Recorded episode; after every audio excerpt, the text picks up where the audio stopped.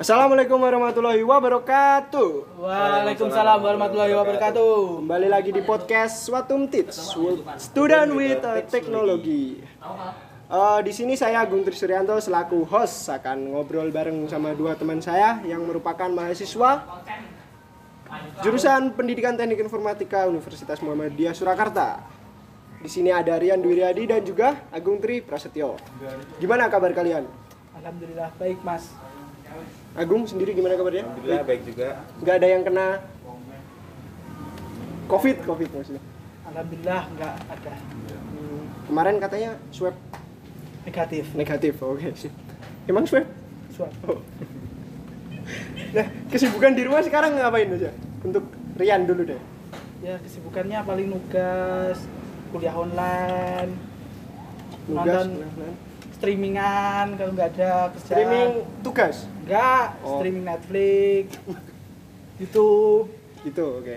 Untuk Agung sendiri kesibukannya apa sekarang? Gak ada sih, gak ada kesibukan ini. Ya emang nggak pernah nugas juga kan ya. nah, kita kan pernah itu apa merasakan kuliah offline di kampus selama kurang lebih dua semester. Menurut kalian perbandingannya online dan offline ini gimana?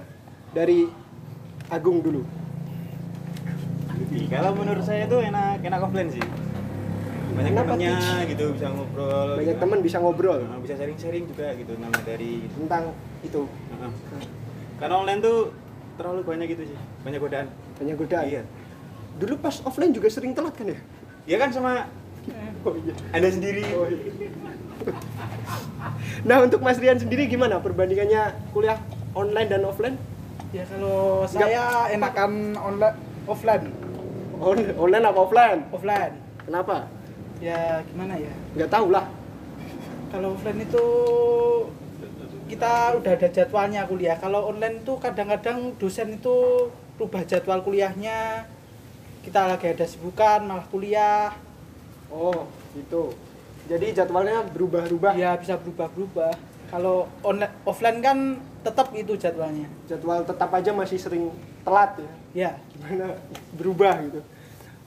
Oke, ini kan sebentar lagi katanya kita udah mau kuliah offline ke kampus lagi. Nah, persiapan kalian apa nih buat kuliah? ya nggak ada cuma berangkat kuliah kan. Saya salah nanya. Oke, Agung, persiapan kamu apa Ya, untuk karena- kuliah offline? nih? Kalau menurut saya itu kan karena rumahnya jauh ya, kita cari kos dulu sekitaran kampus biar berangkat kuliahnya deket, gak telat gitu. Kalau jadwal kuliah pagi. Dulu ngekos juga telat kan? Itu alarm alarmnya mati, alarmnya mati itu. Pas itu alarm mati ya. Nah, kali ini kita akan membahas tentang komponen dan prinsip perencanaan pembelajaran. Untuk Rian udah tahu belum kalau kita akan ngebahas ini? Nggak tahu ini surprise kan? Masya Allah emang saya salah kelompok nampaknya. Nah, untuk Agung sendiri, menurut kamu apa sih pengertian perencanaan pembelajaran itu? Menurut saya perencanaan pembelajaran itu proses mengelola, mengatur dan merumuskan unsur-unsur pembelajaran seperti tujuan, materi ataupun metode pembelajaran. Hmm, seperti itulah. Menurut Rian sendiri, Ya kalau menurut saya definisi perencanaan pembelajaran itu proses pengambilan keputusan hasil berpikir secara rasional tentang saran dan tujuan pembelajaran tertentu. Rasional itu maksudnya? Ya. Rasa rasional itu secara itu ya? Secara logika. Kamu rasa kayak iya wes. Lanjut skip. Skip mumet aku. Lah salah takon ngono nah ke, kamu sing pertama bisa jawab loh aku kira takoni aku tok takoni. iya balik balik. Eh balik yo. Iya. si menengok nyambung ini bingung Oh, jadi seperti itu pengertian dari perencanaan pembelajaran sendiri. Nah, untuk komponennya sendiri itu apa aja sih dari perencanaan pembelajaran? Oh, komponen perencanaan pembelajaran itu yang pertama ada tujuan pembelajaran. Contohnya eh, siswa itu harus dapat menjelaskan tentang apa yang materi yang disampaikan oleh dosen ataupun guru. Berarti misalkan tujuan pembelajaran itu eh, tujuan awal dari kita mengikuti proses pembelajaran gitu. Kalau menurut saya tujuan pembelajaran itu gimana caranya membuat eh, peserta didik itu paham dengan materi yang kita sampaikan. Hmm. Rian tujuan pembelajaran tujuan pembelajaran itu menurut saya tujuan apa yang ingin dicapai guru dalam mengajar ke- kepada siswanya Oke, komponen yang pertama adalah adalah tujuan pembelajaran. Apa ada lagi komponennya untuk perencanaan pembelajaran? Eh, mungkin materi pembelajaran seperti eh, bahasan-bahasan yang akan diajarkan kepada murid atau materi yang akan disampaikan gitu. Materi itu berarti tergantung dari mata pelajarannya ya. Iya, Misal contoh Rian dulu pas SMA ngambil mata kuliah pilihan apa? Kimia ya, kalau nggak salah. kimia ya Nah itu contoh materi pembelajarannya apa aja? Masih ingat nggak sampai sekarang? oh saya apa ya Atau enggak yang terdekat aja materi pembelajaran waktu semester kemarin semester 4 masih ingat nggak? Kalau enggak nggak apa-apa.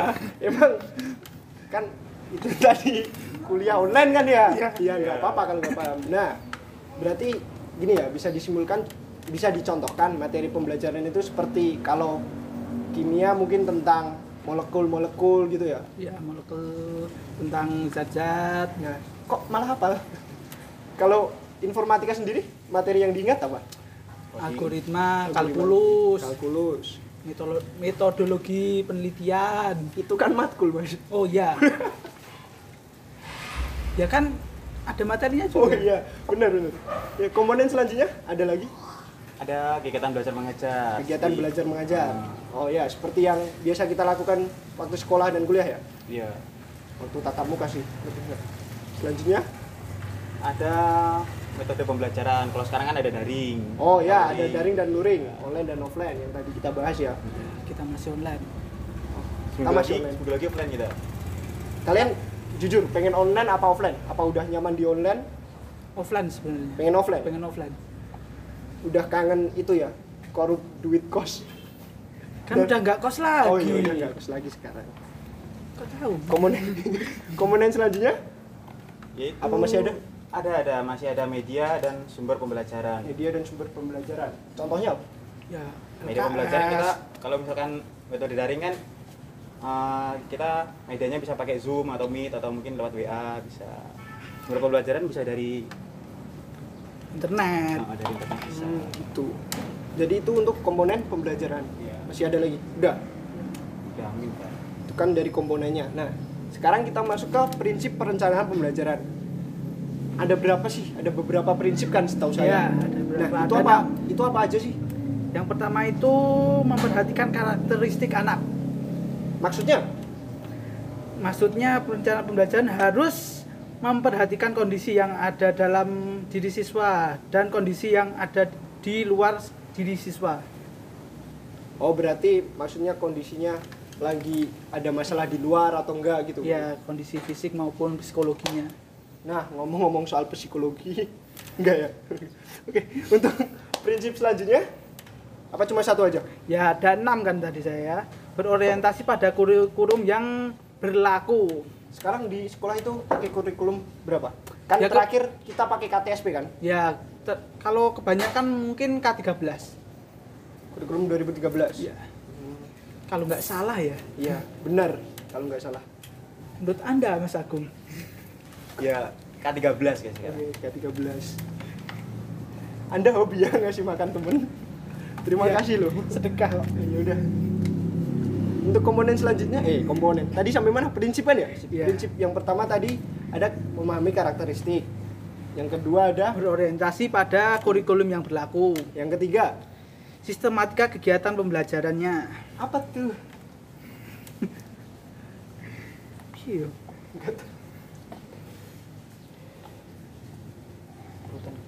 Halo, ya ketiduran kah? Iya. Sistematika. kegiatan pembelajaran Nah, maksudnya apa itu? itu ki urutan kegiatan pembelajaran Oh. yang dikembangkan secara sistematik dengan mempertimbangkan urutan dari yang mudah menuju yang sulit Oh, gitu. Paham? Iya. jadinya bertahap gitu materinya Dua lagi? Eh, masih ada berapa? Masih ada dua lagi yang kelima bersifat fleksibel atau dinamis Fleksibel atau dinamis? Artinya? Hmm, disesuaikan dengan situasi dan kondisi saat berlangsungnya pe- pembelajaran Berarti, oh, oke siap. Yang terakhir, komponen yang terakhir? berdasarkan pendekatan sistem pendekatan sistem. Ya. Maksudnya gimana? Itu saya agak bingung. Setiap unsur pembelajaran perencanaan pembelajaran yang dikembangkan harus merupakan kesatuan yang tidak terpisahkan dan memiliki keterpaduan. Oh, jadi nggak bisa dipisahkan satu-satu begitu? Iya, nggak bisa dipisahkan satu-satu. Ini ada sedikit penambahan dari saya ya. Oh, Ada masih ada empat prinsip lain yang harus dipenuhi dalam pembuatan perencanaan pembelajaran, yaitu yang pertama spesifik. spesifik. Ya, spesifik. Maksudnya? Spesifik itu maksudnya selain memenuhi setiap prinsip perencanaan pembelajaran yang telah dibatasi sebelumnya, itu juga harus per- perencanaan tersebut dibuat secara khusus. Kekhususan ini terutama dikaitkan dengan setiap kompetensi dasar dan indikator yang harus dicapai oleh siswa. Nah, setiap pembelajaran, eh, maaf, maaf. setiap perencanaan selain berisi rumusan setiap komponen perencanaan pembelajaran juga ada penambahan kekhususan, yaitu jenis keterampilan mengajar yang akan dilatihkan. Itu tadi untuk yang spesifik. Ya, yang spesifik. Komponen selanjutnya? Kemudian selanjutnya, eh, prinsip selanjutnya yaitu Oh, prinsip iya, sorry, ya, sorry. operasional. Operasional. Ya, operasional. Duit itu. Enggak, Oh, enggak. bukan, bukan. Operasional yaitu rumusan setiap unsur dalam perencanaan pembelajaran dirumuskan dengan bahasa operasional dan terstruktur. Operasionalisasi ini terutama berkaitan dengan perilaku yang harus dicapai atau dikembangkan. Itu untuk prinsip Operasional. operasional. Tadi ada spesifik, operasional. Kan tadi tambahannya Anda bilang ada empat ya? ya. Yang ketiga apa tuh? Yang ketiga itu sistematis. Sistematis. Ya, sistematis. Oke. Sistematis itu yaitu penyusunannya dilakukan secara logis dan berurutan mulai dari identitas mata pelajaran sampai kegiatan evaluasi. Hmm, jadi setiap selesai proses pembelajaran itu pasti ada yang namanya evaluasi Iya. untuk me- mengetahui apakah tujuan pembelajaran itu tercapai atau tidak. Yang terakhir, Yang terakhir itu jangka pendek. maksudnya Maksudnya itu setiap rencana pembelajaran dibuat untuk setiap kali pertemuan atau latihan yang akan dilakukan. Oh begitu. Jadi itu tadi merupakan prinsip pembelajaran. Dari materi yang kita sampaikan hari ini, saya dapat menarik kesimpulan mungkin ya. Eh, definisi dari perencanaan pembelajaran sendiri tadi bisa diartikan secara singkat yaitu penjabaran, pengayaan, dan pengembangan dari kurikulum. Setuju nggak? Iya. Ya, setuju. Memang itu kan. Oke, jadi materi kita cukup sekian. Eh, terima kasih atas waktunya sudah datang ke sini untuk membahas tentang apa tadi komponen dan prinsip perencanaan pembelajaran. Mungkin ada tambahan-tambahan lagi? Atau ada pesan-pesan untuk murid-murid di luar sana yang yang mungkin sampai sekarang belum merasakan yang namanya kuliah offline atau? Kan ini mahasiswa semester 1 sampai 1 sampai 3 ya? Iya. belum Iya. merasakan kuliah offline. Mungkin ada pesan. Ya sabar sabar dulu aja. Kan bentar lagi ada wisuda. Oh, enggak bentar lagi. Ada apa ini? Sing tatap muka sebentar aja. oh, oh itu bentar lagi ada kuliah kuliah apa luring Luring. tatap muka Ya, tatap muka kan. tapi dari tahun kemarin kan ngomongnya bentar mulu Ya kan ini udah Oh. dari yang semester atas kan udah Oh, kan udah tinggal nunggu gitu. giliran. tinggal nunggu giliran gitu ya untuk Mas Agung sendiri ada pesan nggak untuk mahasiswa yang sampai sekarang belum kuliah offline atau malah memutuskan untuk keluar kuliah Enggak ada sih harusnya tetap semangat gitu. Bentar Tetap lagi semangat kan, ya? eh, bentar lagi kan udah udah tetap muka gitu. walaupun kita dua tahun nggak ngapa-ngapain gitu Iya. Bentar lagi kan tetap muka gitu. bentar lagi tatap muka bertemu dengan teman-temannya Jangan lupa vaksin. jangan lupa vaksin Ya, saya nggak bisa ngerjain tugas. apa Jangan lupa cari cewek. kayak ada tambahan katanya jangan lupa cari Cewek dari Yusuf. Cari buku. cari buku astagfirullah Kan dari Yusuf. Yusuf tadi bilang jangan lupa cari buku Bang Dosal. Iya. ya mungkin sekian aja untuk podcast kali ini. Jika ada kelebihannya mohon diambil yang baik-baik. Jika ada kekurangannya mohon ditambahin. Kan hostnya saya mas. Oh iya. Ya sekian untuk podcast kali ini. Jika ada kurang lebihnya, saya Agung Trisuryanto. Rian Dwiriyadi. Dan Saya Agung Tirta Setio. mohon maaf. Semoga dapat diambil hikmah-hikmahnya.